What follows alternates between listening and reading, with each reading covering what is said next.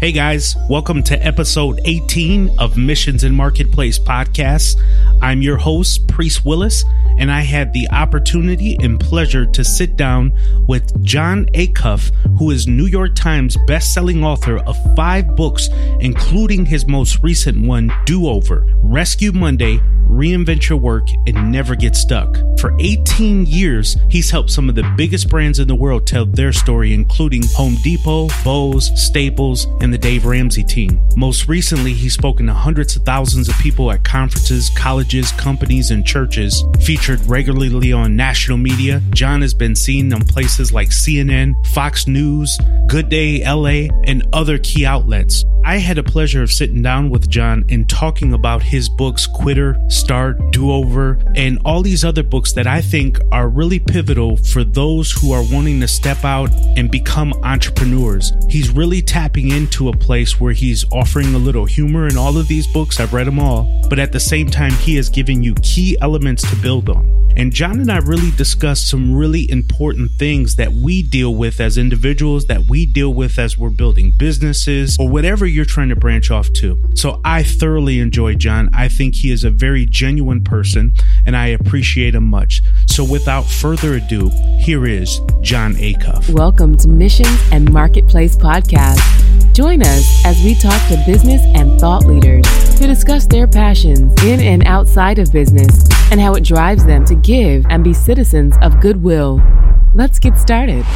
Before we get into today's guest, I wanted to share with you a great offer from an awesome sponsor of ours, canvashq.com. They have a code for 30% off any amount on their canvas. If you go check out their website, canvashq.com, you could buy any size canvas and the canvases that they create can be custom and they have some others out there. It's an amazing place. I filled my office with different people that I admire from Muhammad Ali to Albert Einstein with different sayings on their inspirational business quotes. And the canvas came back so beautiful. I mean, when you go to their Facebook page, they kind of show you how it's being constructed. Check out canvashq.com. Use in the offer code MM30 and get 30% off.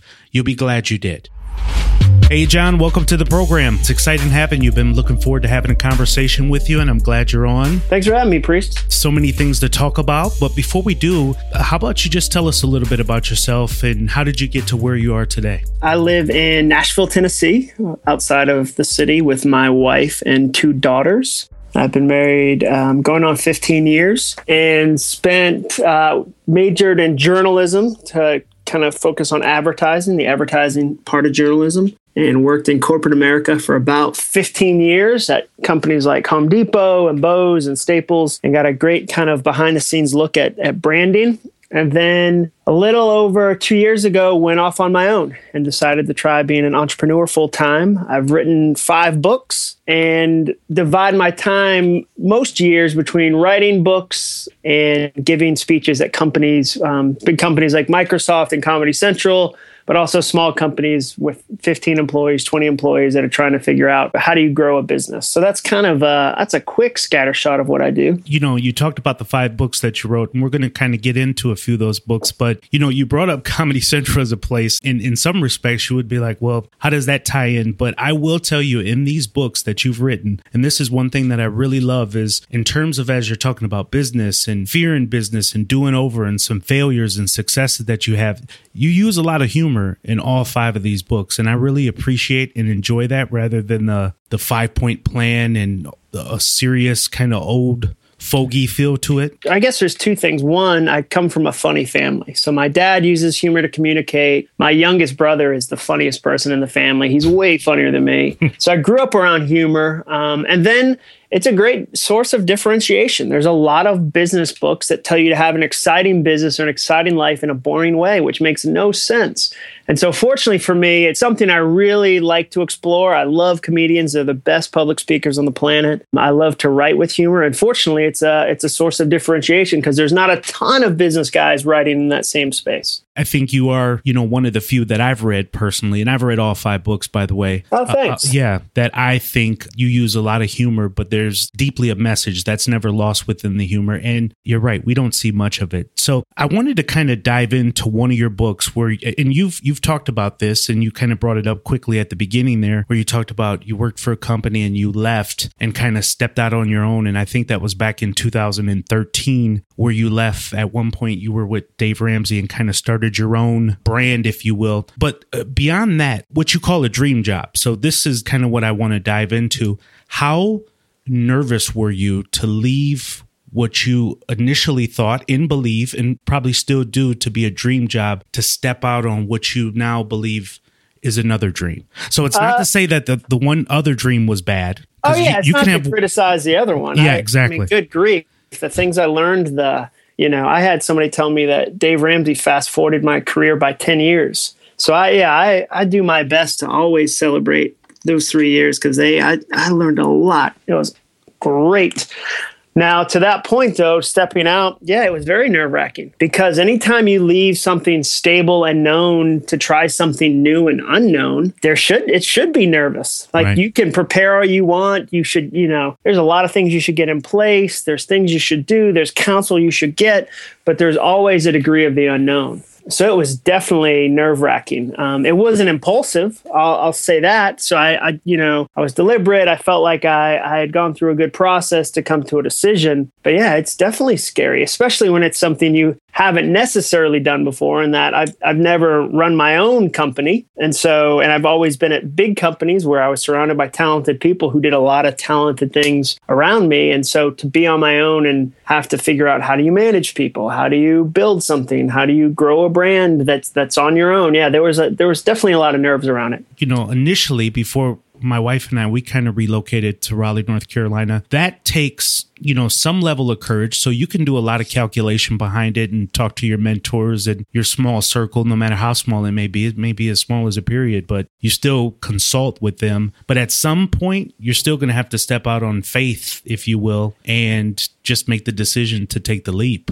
you can't predict what's going to happen. I mean, that's the that's kind of the myth of some of this stuff is that people love to sell you on, well, here's my five year plan or my 10 year plan. But I just think that's crazy. I was just reading Peter Drucker, obviously very famous, well known, well regarded business author, writer, kind mm-hmm. of genius, said a plan can usually cover no more than 18 months and still be reasonably clear and specific. He said it's rarely possible or even particularly fruitful to look too far ahead. Mm. And so that idea of, and that's Peter Drucker saying, hey, you can get as far out maybe as 18 months with a sense of what's going to happen, but let's be honest, you don't know. You really don't know at the end of it all, right? No. And so, yeah, that's where some of the, you know, nervousness comes from. But you don't get to grow if you don't have those moments. I, I think about that all the time that I'll talk to people that want to change, they just don't want to change anything they're doing. Or they'll say, I want growth, just no discomfort. And I always say, well, that's unfortunate because growth is always uncomfortable. That's part of the trade off of being different, of growing, of getting better. There's some degree of awkwardness and uncomfortableness. I love the way that your books are set up. Out of the five, if you look at the last three, I believe it is, you have Quitter, Start, and Do Over, which is your most recent book here. But we talked about Quitter and somebody stepping out from their dream job or something that they're believing in and just taking the leap. But then Start is sort of you re engaging with it and just taking over your fear. Do you think it's really possible that people are afraid of success? I've heard, you know, I remember my grandfather was in some kind of singing group when I was younger, and my father would tell me, yeah, he quit because he was afraid of success. And that made no sense to me because success is all determined by what you believe success is. And there's really no guarantees. Do you think that's possible that people are afraid of success? Does that? Oh, 100%. 100%. Yeah. There are a lot of people afraid of success because they're afraid of, you know, will I change when I get it? You don't have to look far to see in the news successful people who have blown up their life. So it's very easy in the midst of success to get drunk on it and lose it. You know, I show you churches that fall that way, show you businesses that fall that way, show you celebrities that fall that way, where the success becomes the hardest thing for them to handle. And I'll also show you, you know, really smart business people and celebrities that say they're glad they didn't get fast success. Right. They're glad they had to learn it slowly. So yeah, there are people that are afraid of success. And then part of it can be that they have a really low self-esteem and they feel they don't deserve the success. So when they receive the success, they feel ashamed because they've bought the lie that I don't deserve good things or I, you know, I'm a bad person. So when something bad happens to me, that's because I deserve it. And if something good happens to me, I don't feel good about it. I mean, I remember Kendrick Lamar talking about survivor's guilt. Mm, yep. He successfully left the difficult area he was in and the survivor's guilt of that. Survivor's guilt is about success. It's about him dealing wrestling with the idea of why me? Why did I get to be the one that got the rocket ride out of the difficult situation and and what does that mean for my life? So yeah, there's there's many forms of fear of success. Yeah, that's a really good example because I, I think there are a lot of people that get out of their hardships and feel like either they don't deserve it or they owe everything back to the people that they came out of it. And in some respects, I mean, that's just kind of a a misnomer about your kind of your own system. I mean, you know, it's unfortunate that people are that way, but I, I totally get it. Yeah, yeah, I, I see it all the time, and I understand. I mean, I understand it because every now and then I get you know nervous about it or attacked by it. So I think there's definitely a, such a thing as fear of success. Well, how do you get over that, Jon? Well, I think a lot of it's relationships. I think you know you talked about the circle. You have to have people in your life that can tell you the truth. So you have to have friends that'll say, wait a second, wait a second. This is what you worked for. Like, this is, you know, we're not going to idolize it if your only mission is money, you're going to have a miserable life. Like every, I mean, look at the cover of Rolling Stone this week. It's Leonardo DiCaprio, and it's talking about his most difficult movie, The Revenant, and his new fight for the globe. And so anyone who reaches a certain high level eventually goes, you know what? Like if it's a 20,000 square foot house or 25,000 square foot, doesn't matter. If it's a red Lamborghini or a green Lamborghini, doesn't matter. Like it eventually you realize there's got to be something more. I think that's part of it. You Yes. get over it by talking to friends that'll keep you grounded and you get over it by staying connected to why you started it in the first place. having a tribe as it's being called now or community is important i mean you know i try to look at facebook a little bit differently for a long time i'd be the guy putting up cats and like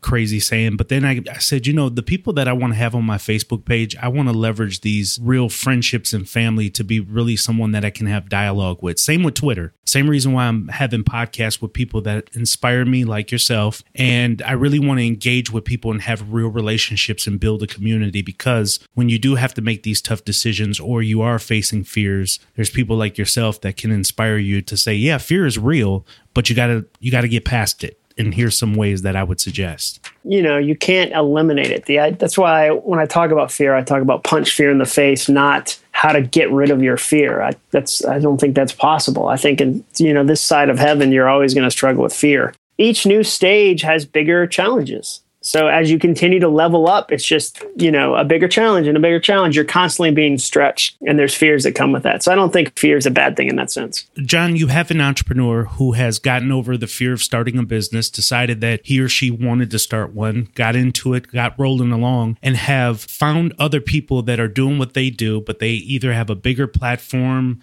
their Twitter page is bigger, and all these other variables. And the next thing they roll into is what I like to call comparisonitis. So they start to have this disease, if you will, that now they want to become that other person or aspire to have the things that that other person has. Where when you just think back months before they started their business, they had no idea of that and they just conceptually went in to start the business. How does an entrepreneur get over saying, I want what that person has, or I need to now do it this way? I mean, because I think we all kind of, in one respect or another, look at the other person over our shoulder and say, I should have did it like that. How do we get over that? I don't know. Um, I think part of it is if you identify a place that's challenging for you or a person that's challenging for you, you don't have to follow them on Instagram. Like you don't. I don't know. I think we're so hard on ourselves and think, oh, I should just man up or, you know, I got to be tough. And so if there's somebody who is in your Instagram feed that every time you see them, you get lost in comparison for half an hour, mm-hmm. that stop following that person. like the fix to that is very simple. Mm-hmm. Like I know you could go, I should be a strong enough person to be able to look at their photos and not get emotionally upset. Mm-hmm. Okay, yeah, yeah, down the road, let's get there. Let's become noble. Fine, that's fine. But for now, unfollow them. Like, and if unless it's a person that it's going to cause more strife to unfollow them, like they're a close friend that's going to go, hey, wait a second. If it's just somebody in your industry or somebody in your circle and you're having a hard time because you want to be the next so and so, and every time you see so and so's photo, you feel like whatever you're doing is not good, I think you just unfollow them. And everybody, everybody thinks about it. Everybody, you know, whatever level you're at, there's somebody who's at a higher level. And then the other thing is you have to remember the truth about it. A lot of times we'll compare ourselves to people that are in age or experience 20 years ahead of us. And we we're we're frustrated that we don't have exactly what they have. And you think, well, they're they're 50. You're 25. You've been you're an entrepreneur. You've been out of school for four years. They're 50. That makes no sense. and so a lot of times I try to have fun with the reality of it, which is you shouldn't compare yourself to somebody who's, you know, I shouldn't compare myself to Jim Collins. He's a Stanford professor, I think in his mid 50s, and has been doing this for 35 years. Yeah. And so if I look at my ideas and go, oh, they're not as well researched as Jim Collins, I should then go, you mean the Stanford researcher who's 55? Yeah, they're not. Of course they're not. Yeah, I can't dunk like Jordan either. Like, it's, it's just ridiculous. I, I, love that approach, and this again is the humor that I really enjoy because it does kind of um, it settles you down for whoever you think you're supposed to be in some respect. I mean, yeah, it gives you a chance to laugh at it. I mean, yeah. it gives you a chance to go, "Oh, come on." And part of it too is the problem is sometimes the people you compare to. I don't want to say all the times, but a lot of the times the people you're comparing to are showing you an edited version of their life. Totally. So I think about like the entrepreneur that you go, "Wow." They post a hundred times a day. How do they do it? You know what you're not seeing? You're not seeing their husband or wife who's like, "Hey, can we just go to dinner like once?" right. Like, do you have to selfie every decision you make? This is killing me. you know, like you're not seeing that that photo took nine minutes to set up to look like it didn't need to be set up. Like casual takes the longest time to take a photo. You know, like so I try to remember on the other side what you're not seeing. Remember, oh yeah, yeah, that's fine. And then you just remember it. Comparison takes you away from the thing you're supposed to be focused on. That is the key. Remember that uh, young woman that came out and she finally, I think she was an Instagram model. Everybody's an Instagram model now. Oh yeah, yeah, yeah. That said how like the truth behind the photos. Yeah, exactly. And she gave yeah. like the real raw truth. And that was what I was going to say. Is you know, in some respect, people aren't even they can't even compare to themselves the way they have lighting set up and they position their bodies or show cool stuff like a picture of their laptop and microphone and say hashtag hustling when really you're just eating Cheetos. I just try to remember the uh, the reality of it you know that there's chances are it doesn't look like how you think it looks like. So let's talk about the book do over a little bit. And, and when i read this book what kind of jumped out at me is that you know i was at a company before where i felt like i was in a 10 story building and i was on the ninth floor. And when i left that company i felt like i was on the first floor of a 20 story building uh, which means that there was a, a lot more height to it. There was a lot further to go, but you're starting at the bottom and you're doing it over. And sometimes what people feel like is just because I do over, I'm losing ground or I'm somehow losing anything that I would have gained in my previous whatever that may have been.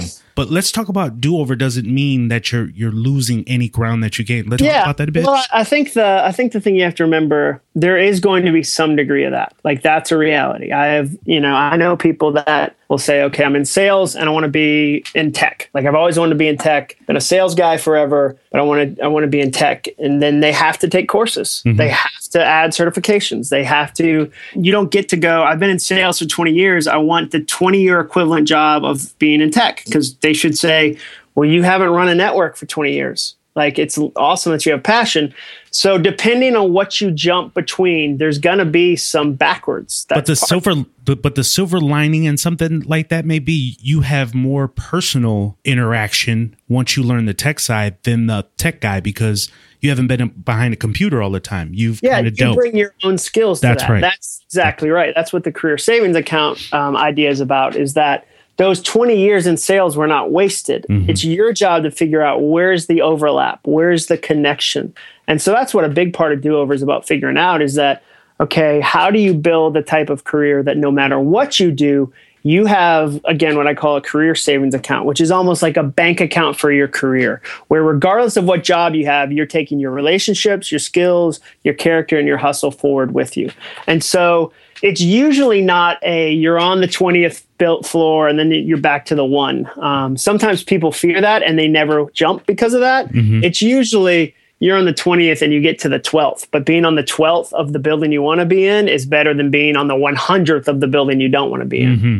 Mm-hmm. Um, and you have to look at the long term. It's a long term play. You shouldn't jump for a short term thing. You shouldn't say, I kind of maybe sort of want to do this thing. I'll just wreck my whole life and uproot everything. You, you should be on purpose about it. And if you don't want to do that, you shouldn't make the jump. But if you do want to do that, you should be able to see, okay, it's going to take me one to three years to get back to the level I want. But man, I've got 30 years left of work, and those 30 years are going to be awesome. Right. Because I've done the difficult part of the one to three. uh, how many times have you found yourself? I know you left your dream job and you're constantly ramping up in things. And again, I follow you on Periscope and other places, and I always see you almost in a sense you know mentoring other people and giving them advice and talking to them. But you're also in some sense talking to yourself. How many times are you doing over? How many times are you starting and kind of re? Oh i think i tried to you know explain to people do over can you know is anytime you have to change. And so there's days where you'll do over something a hundred times a day where it can be you're doing over a relationship with a coworker that's difficult and you're trying to use empathy to understand where they're coming from. Um, there's times where you know i get up in the morning and have to go okay this one way i thought things were going to be done with this webinar it's not working. Mm. so how do i how do i do that over? So yeah the phrase do over for me and it's not a negative phrase it can be positive too. You know getting a promotion is a do over I'm getting a new opportunity as a do over. Changing how you look at a situation is a do over. Reading a book that challenges you and asks you questions is a do over. So I, I have, I would say, a series of do overs. As far as, you know, every new client I work with is a do over because I get to learn that client and get That's to right. see that, okay, it's a great fitter. It's not a great fitter. Here's what I need to do. Every speaking gig, I get to learn a new audience. You know, the challenge is if you start thinking everything's the same over and over and over again, you get, you can get complacent again, you're a great writer. You use such great humor, and again, you put things in, in such a good perspective that I think has helped me along the way in my entrepreneurial journey and my career. And, and, it's you know quitter was one of the first books that i read in fact. And um, what it did for me in terms of me kind of being confident in myself i can't say enough about it I talk about these books, and this is before you and I even talked, and you were inspiring me just from words on a page. Who or what inspires you? Uh, Seth Godin really inspires me. I really like him. I like the way he writes. I like his generosity and his heart and his approach and his writing voice. Um, I'm really inspired by him. I'm inspired by my dad. Mm. I love the way he communicates. Um, I got to grow up watching watching him do that, and still to this day, love to get to see him speak. Um, who else inspires me? Um, my kids inspire me hmm. because they have such a fresh look on life and and things that are interesting. My friend Brian Koppelman inspires me. He's the writer and director. He and his uh, writing partner um, David Levien. They just they have a show called uh, Billions right now on Showtime. Oh yeah, and and he's he's become a, a good friend and a, an inspiration. He's got a great podcast called The Moment. I find him to be very inspiring. So yeah, those are a few of the people that inspire me you know, just kind of taking one step back into kind of the careers and entrepreneur journey that we're talking about, is there really such a thing as a work life balance? I know that you have a family, you're married, two children, but you do so much outside of that too. Is it hard for you to find that work life balance, or are you like how hogwash work and life are just part of it? you know, I always I always go back to something I heard Dave Ramsey say that balance was a myth in the sense of like you think you're going to get some perfectly balanced thing that you can, you know, balance it. And his example was when you train for a half marathon, you run more in that season than you do in other seasons. It's mm-hmm. out of balance. And I thought that was a great way to look at it. Mm-hmm. I don't believe in balance in that sense. I believe in being intentional. You know, here's an example. I would fail if at the beginning of the year I said to myself, okay, I want to speak. I want to have as many speaking gigs in the, every month. Like I want them to all be the same.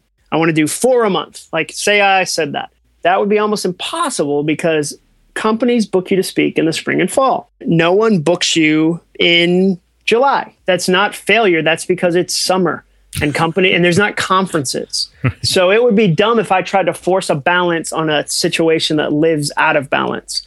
And so i'm much more about being honest with the schedule but then above all realizing you can't have it all. You you just can't. Like the entrepreneur who's single and has no kids and has no life that is working 10 hours on a Saturday when you're playing with your kids, like the reality is he's going to get ahead of that of you. Like mm-hmm. same with she's going to get ahead of you. Now long term will they burn out? Yeah, maybe, but you can't have it all. Like when you when you dedicate your life to spending time with your family and your kids, there's an impact. Like there should be. So I, I guess for me, I'm I'm more of a believer in things are out of balance, but out of balance is good. The reason why I asked the question is because, you know, I told you this earlier, but I watched your Periscope, and one of the things that just jumped out at me, as well as other people, you said you like to say no quickly and yes slowly, which uh, you know, again, maybe I was just hearing it on my own. What it said was, hey, I really like to balance and weigh out things. And even if something is a really great idea, you know, you kind of use Jenny, your wife, as kind of a sounding board to say, hey, you know, I think this is a r- really great idea. And she kind of lowers you down to say, Jon, I know it's shiny,